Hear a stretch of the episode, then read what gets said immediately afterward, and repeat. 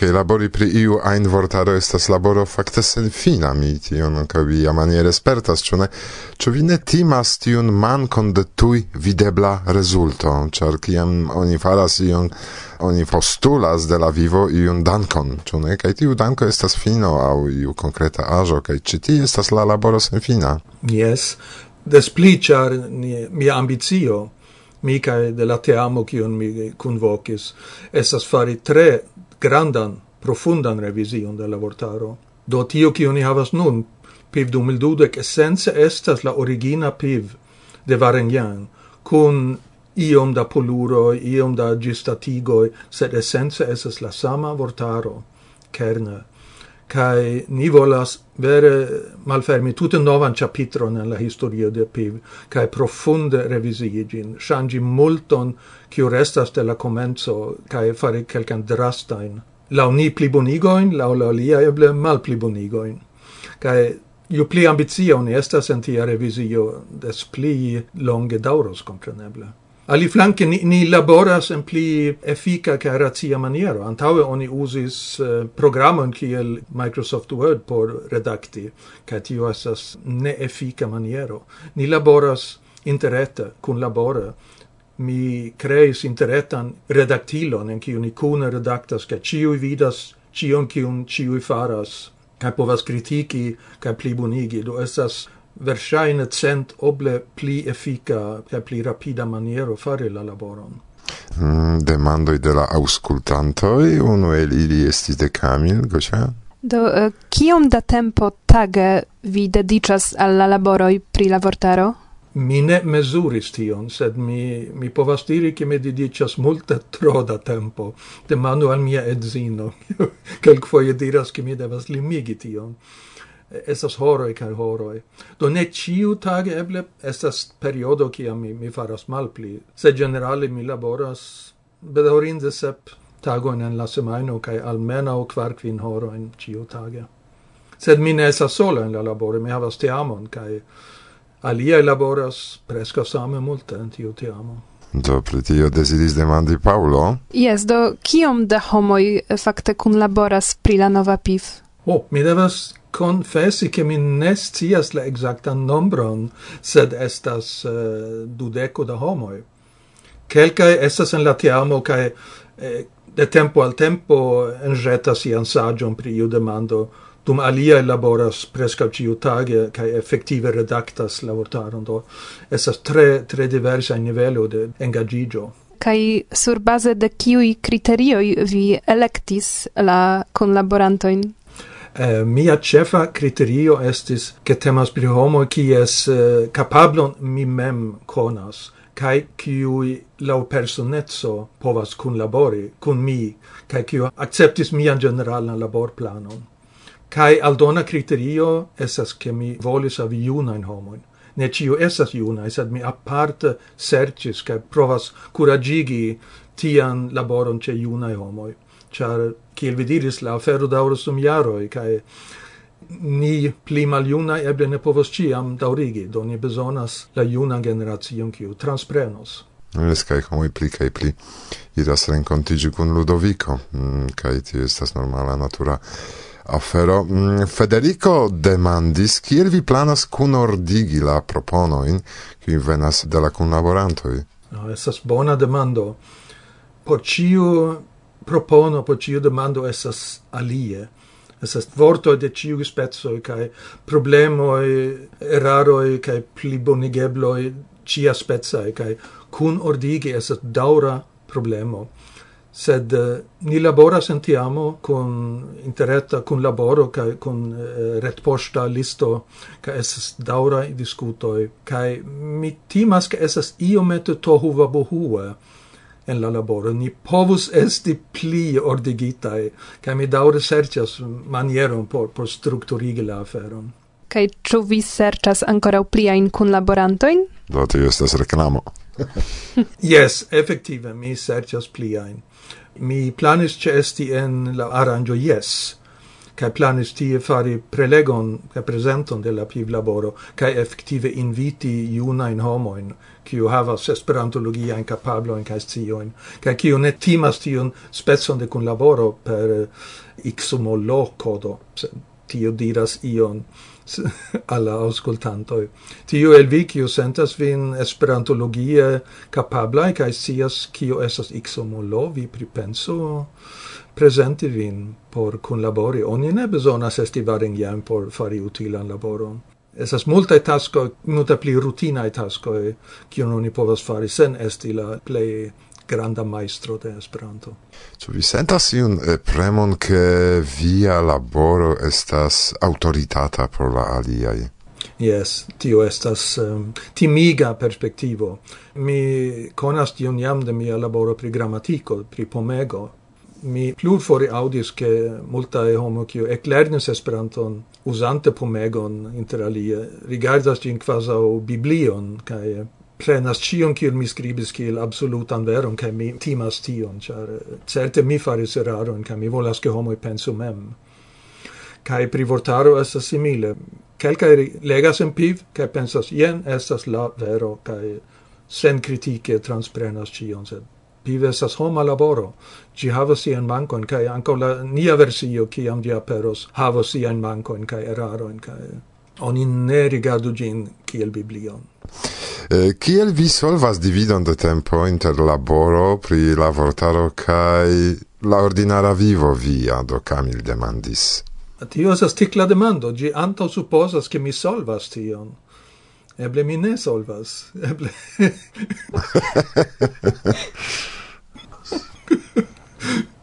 mi klopodas. Oni povas nur klopodi. Ciu tage esas batalo. Do, la vivo prenas sian tempon, la familia vivo kaj aliaj aferoj kaj oni devas simple iri al vendejo aŭ entajpi novan vorton. Yes, ĝuste. Eh, estas malfacile. Do serĉu ni sekvan demandon, momenton, momenton, momenton de Paulo. Kiam la vortaro estas preta? Do ne estas ĉi tie mencita ĉu temas pri la reta au papera vortaro, sed mi supposas, che temas pri la papera. Mm. mm yes. Do mi supposas, che gine niam estos preta. Varingen comensis la laboron en la mi ne kiam li vere comensis redakti sed eble en la e facte esas daurigo de la trideca iaro e cae gin ancora ne esas finita cae mi ne pensas che gi iam ain esos finita. Sed por por preni iom pri practican interpreton de la demando ni parolas iom scherze pri PIV 2030 se tio esas nur nombro iel fantasie prenita el aero. Sed mi esperas che ia testa versio, beta versio de nia laboro povus aperi publice post jaro au du.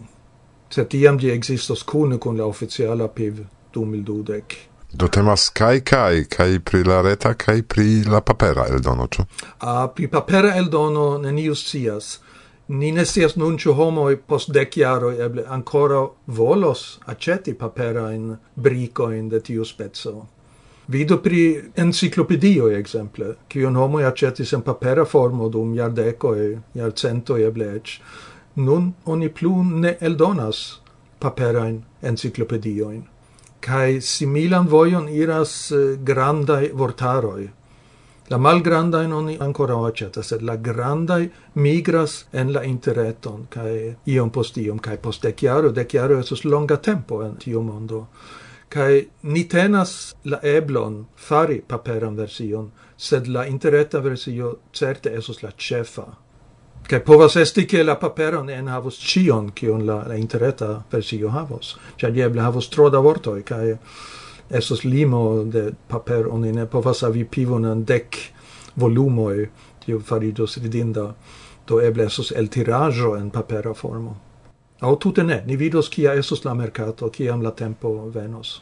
Klare kaj la tekniko evoluas do oni ne scias ĉu homoj bezonos fakte paperajn vortaroj ĉar havos tute aliajn ilojn uzi la enhavon? E, do mi ne dirus ke ĉiutage sed aperas kaj aperas novaj vortoj kiel aspektas via kunlaboro kun la akademio ĉar iu devas tiujn vortojn fakte akcepti ĉu ne? Do kiel oni tion solvas nun? do eh, meti vorton en vortaron kai oficialigi ĝin kiel faras la akademio esas iom diversaj aferoj la akademio oficialigas kiel oni diras esas iom malbona esprimo sed oni parolas pri officialigo. Di officialigas nur vorton kiu jam esas plene establita kai vere sendubai dum vortaro kiel piv devas enhavi ancau vorton kiu estas nova neconata de ciui eble ancora usata de nenio. La vortaro simple proponas ion. Do estas iom diversaj taskoi sed ni certe kunlaboras kun la akademio esas plurae academiano en la teamo, cae plurae el tiu kiu ne estas academiano esas iam proponitae por la academio, cae electoi ocasos baldao, cae mi pensas che esos ancora pli da academiano post ioi electo, kiu esos en la teamo. Se ni havas anca concreta in kun laborplanon kun la sekcio pri la generala vortaro cioè ties directoro estas en la teamo. Mojosa trovos lokon en la vortaro? Mi supposas che yes, ci ancora ne esas en metita, pri plura tiai ticlai vorto, ki mojosa kai la pleiticla la pronomo ri, ni attendas, cia ni volas vidi cie estos la evoluo. Ne urgias enmeti, cia ni ciucase ne publicigos gin dum jaroi. Do enmeti nun ion kiu eble malaperos post du jaroi, sen sense Do ni attendas, kai kiam esos pli proxime alla publicigo dato tiam ni enmetos au ne enmetos tia in tiklain novain vortoin kiam ci homoj komencas gin uzi do Gosia uh, sekva demando de Paula Yes uh, Kiom da mencioj en fidindaj verkoj estas necesaj por ke nova vorto estu registrita? Ah, bona demando. Kaj malfacile respondebla, ĉar tio dependas de la speco de vorto se temas pri vorto kiun oni ofte usas, do, o pri nocio, pri kiu oni ofte parolas, ciutage, pare de ciu homoi, oni eble besonas multain mencion por accepti certan formon. Sed se esas faca vorto, cion usas faculoi unu foion en jaro, cae ordinara homo neniam lernus da vorton, tiam eble sufficias unu sola apero en faca verco pri tiu faco. Eble de la sola homo kiu entute parolas pri tiai afero en Esperanto. Se tiu homo usas tion vorto, bo, do ien esas tiu vorto. Sendube. Do Gosia havas nun demandon. Eh, kiujn lingvo shanjoin vi rimarkis en la lasta iaroi? Do kiu procesoi okazis en la lingvo en la lasta iaroi? Esas bona interesa demando, iom pli por la grammatica flanko de mia laboro. Mi fakte notis en pomego quelcaen tiaen aferoin, kiu esas okazanta lingvo evoluo. Tio kiu frapis min do, kiu esis fremde al miai oreloi, sed kiu mi audas di junai homoi, esas pli libera uso de rolvortetoi, preposizioi, antau i verboi. Tradizio oni povas usi por, anstatau, krom, kai sen, antau i verbo do, anstatau mangi, por mangi, sen mangi, sed oni ne diras kun mangi au post mangi. Esas afero kiun tradicia Esperanto simple ne havas, sed la junuloj de kelkaj jaroj usas tian aferon. Sonas al mi, kiu lernis la lingvon en la octeca jaro, erare, O men la sonis erare antau dek jaroj kai mi comensas iom post iom alcutimigi. kai temas pri tute logica evoluo fakte pri forigo de stranga malpermesso kiu ne havas einan logikan bason kai tio pli kai pli oftigas mi scrivis sufiĉe longe pri tio en pomego. Se oni volas usi tion oni sciu che esas ne tradizia che do oni estu attenta se oni skribas tion in artikolo ke oni sendas al monato o revu Esperanto oni verŝajne ŝanĝos kaj korektos do oni estu preparita por tio. Sed mi notis la evoluon kaj mi certas ke ĝi plenumiĝos. Estas neniu kiu povas haltigi ĝin. Do vi vidas sur la ekrano kontenton de Gosia, kiu estas tre, tre feliĉa pro... Mi, mi pensis pri eh, kunduŝi kaj kundormi. gedormi kaj geduŝi. Sed povus ankaŭ ah, esti. Jes, kompreneble. Eh, Sed gedormi kaj geduŝi estas pli amuze on kundormi kaj... Jes, tamen estas fakte kontraŭgramatike, ĉar oni ne permesas ligi prefixon ge kun verboj, ĉu ne infinitivoj. Nun vi parolas pri prefixo, estas iom alia. Jes, jes, jes. Ni manĝis kun uh, trinki. Ho, manĝis trinkante, oni dirus tradicie sed ni manĝis sen trinki estos normala, ni manĝus kun trinki subite estas malpermesita, Estas neniu logiko en tio. Mm. Eh, Paul demandis tion. Ĉu la vorto stoko estas pli ampleksa en la nova PIF ol estis en la PIF 2012? La nombro de vortoj ĉu ti pri tio? Yes. yes. Certe, sen dube estos pli da vorto. Mi, mia lasta occupigio nun concrete redactanta estis enmeti multe da popol nomoi, gento vortoi, kiu mancas do suffice grandai popoloi, sed exter Europa, cion la piv homoi tutte neglectis, ca ancao lingvonomoi, tio esas ofte ligita, Grandega lingvoi, pli grandai o multae Europae lingvoi, cion oni rigardas kiel grandain, cio situas principe en Barato, au en Africo, ili esas tutte forgesitae dum piv en havas nomo in de exemple la bretona lingvo estas malgrandega lingvo sed hazarde gi esas parolata en Francujo. Ca protio tio detala en formo pri la bretona lingvo en piv.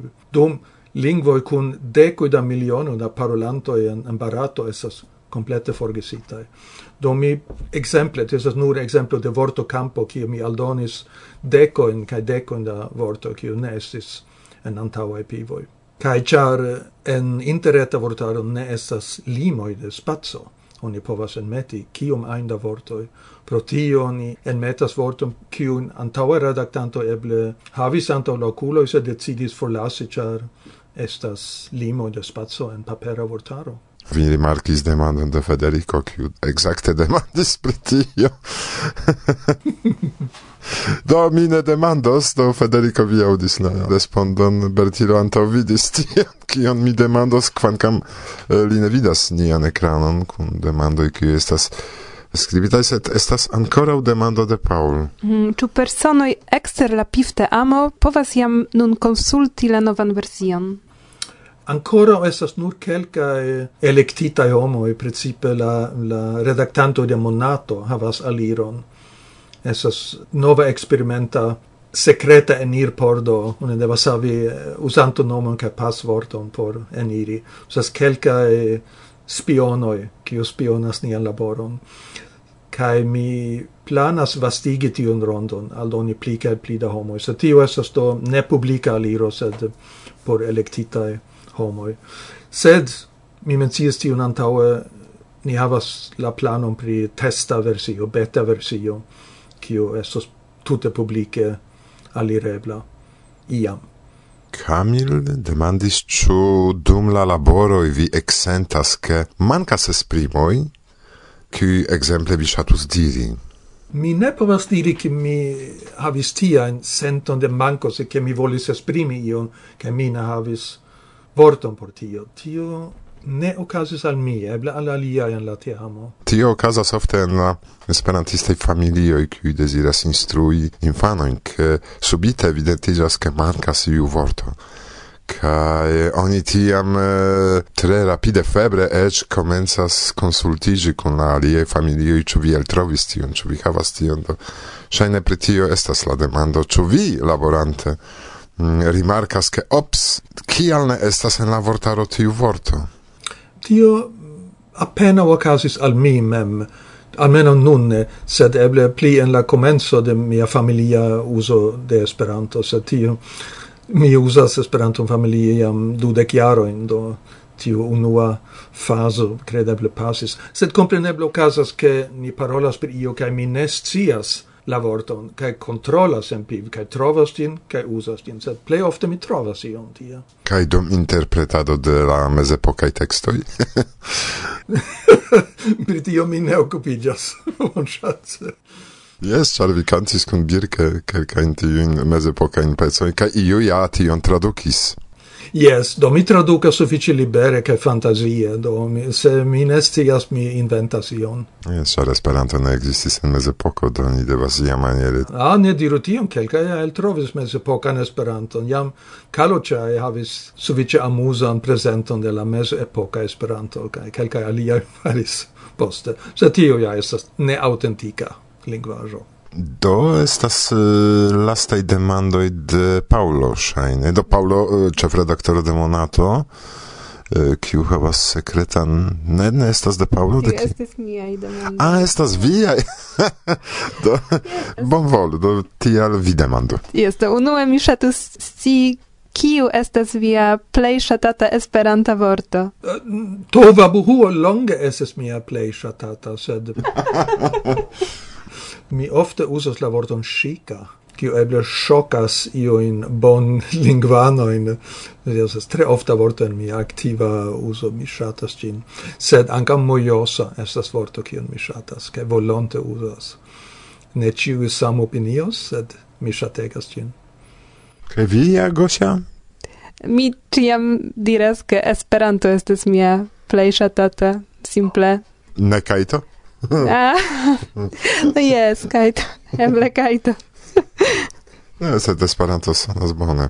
Tute do ni parolis pri kunlaboro, pri tio ke vi serĉas kunlaborantojn, kiamaniere ili povu kontaktiĝi kun vi. Do mi estas dinosauro, do mi uzas ancora retpoŝton. Mi audis ke la juna homo ne plu uzas retpoŝton, sed skribo al mi retpoŝte, vi trovos mian retpostan adreson en mia tototoejo bertilov.com.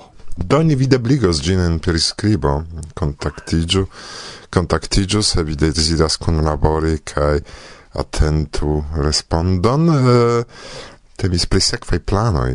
Yes. Mm, pri la vortaro kompreneble plena ilustrita vortaro. Eble, ĉu... eble krompiv.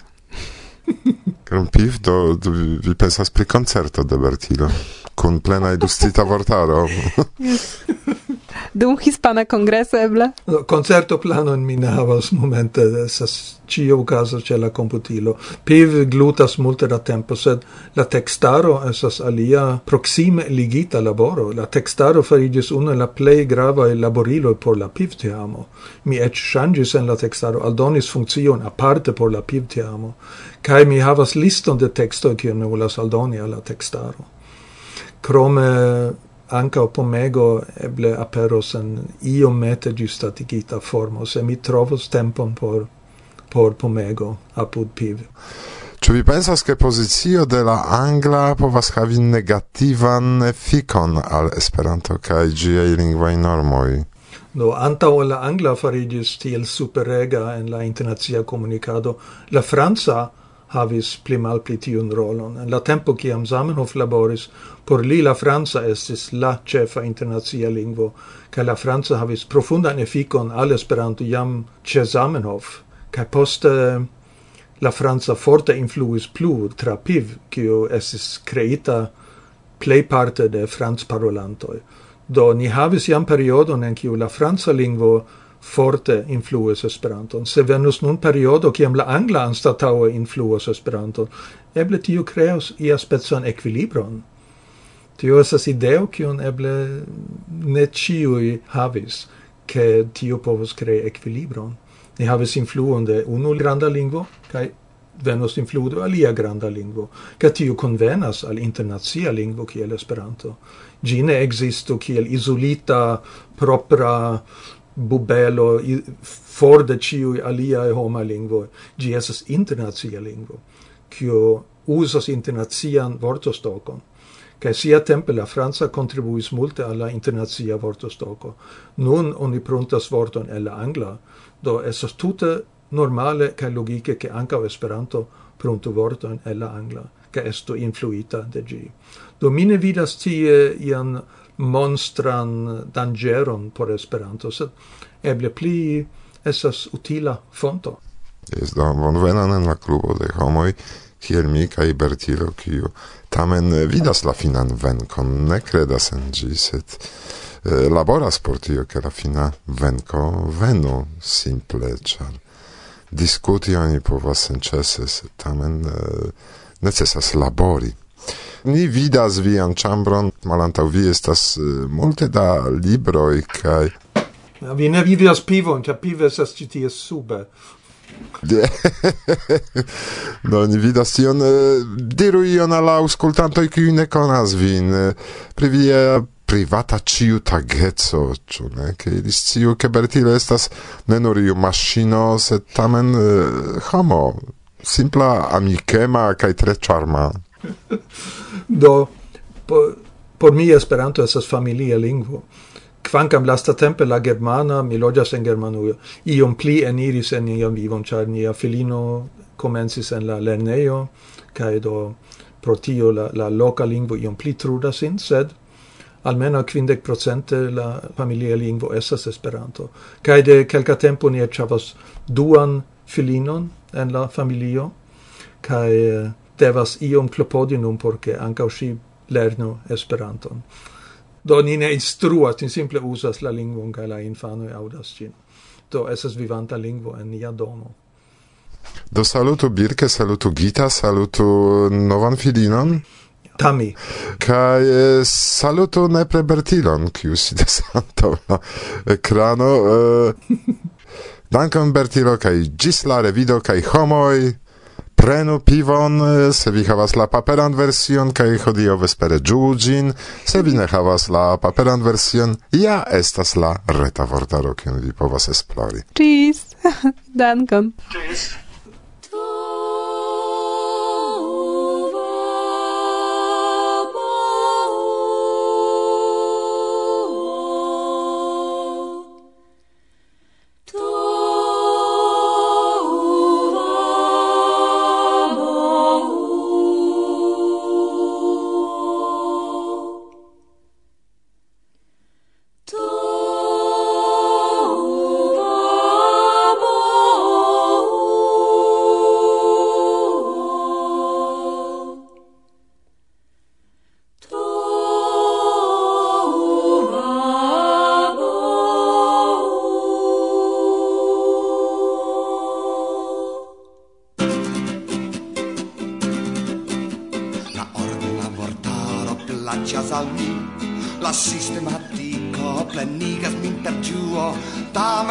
vorto kiun mi trovis en ĝi la plej bela estas Tova Bohuo. La plej bela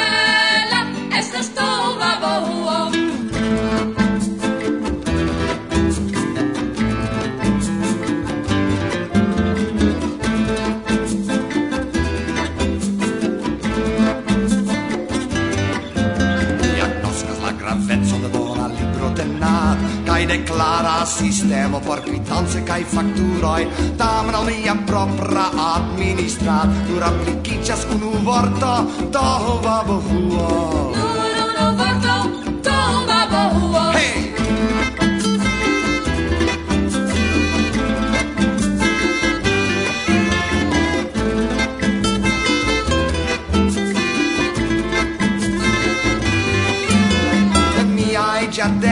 kai domo la stat pravigas nur.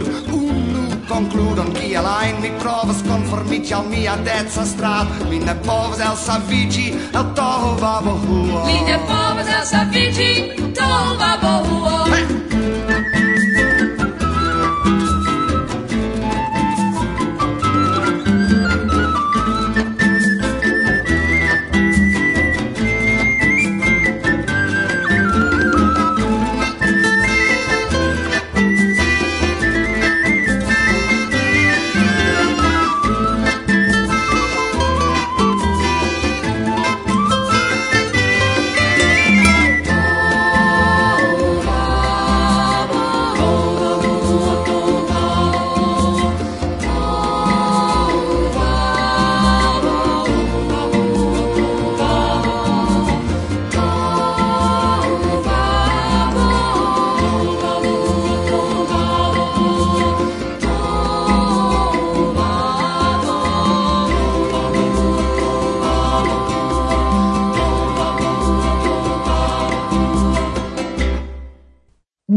Estas anki kai nane de kaito. Esperanto muzikgrupo. Ni estas kontra milito. En nia pens maniero milito neniam contribuis, contribuas kai contribuos al solvoi de iui problemoi. Pro stultai malbonegai ideoi de quelcae personoi militoi ocasis, ocasas, cae victimoi, homoi, infanoi, bestoi, la naturo, la planedo, Si. li, vi, ni, compreneble, ni estas contrau milito. Care miagi amicoi, mi ancora memoras la militon cae la disfalon de Jugoslavio, cae ancau la bombardon de Serbio. En tiu momento, en la jaro 1999, ciam eh, bombo falis tricent metroin de nia domo, mia filo Davido demandis min, patro, ču ili mortigis nin? Mi estas contrau la milito. Mia coro estas kun ukrainianoj. Reklamo. Ĉu anca vi volas esti informita pri la mondae novajoi en flua actuale Esperanto kaj legi raportojn pri politico, pri scienzo, ekonomio, kulturo kaj multe pli, do petu senpagan provekzempleron. La kontaktadreson de Monato vi trovos en la priskribo.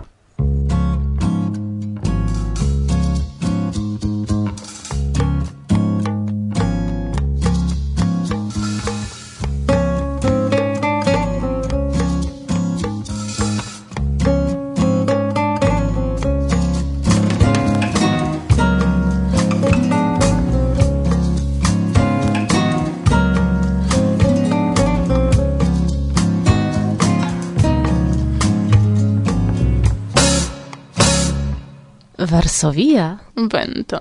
Bla bla bla.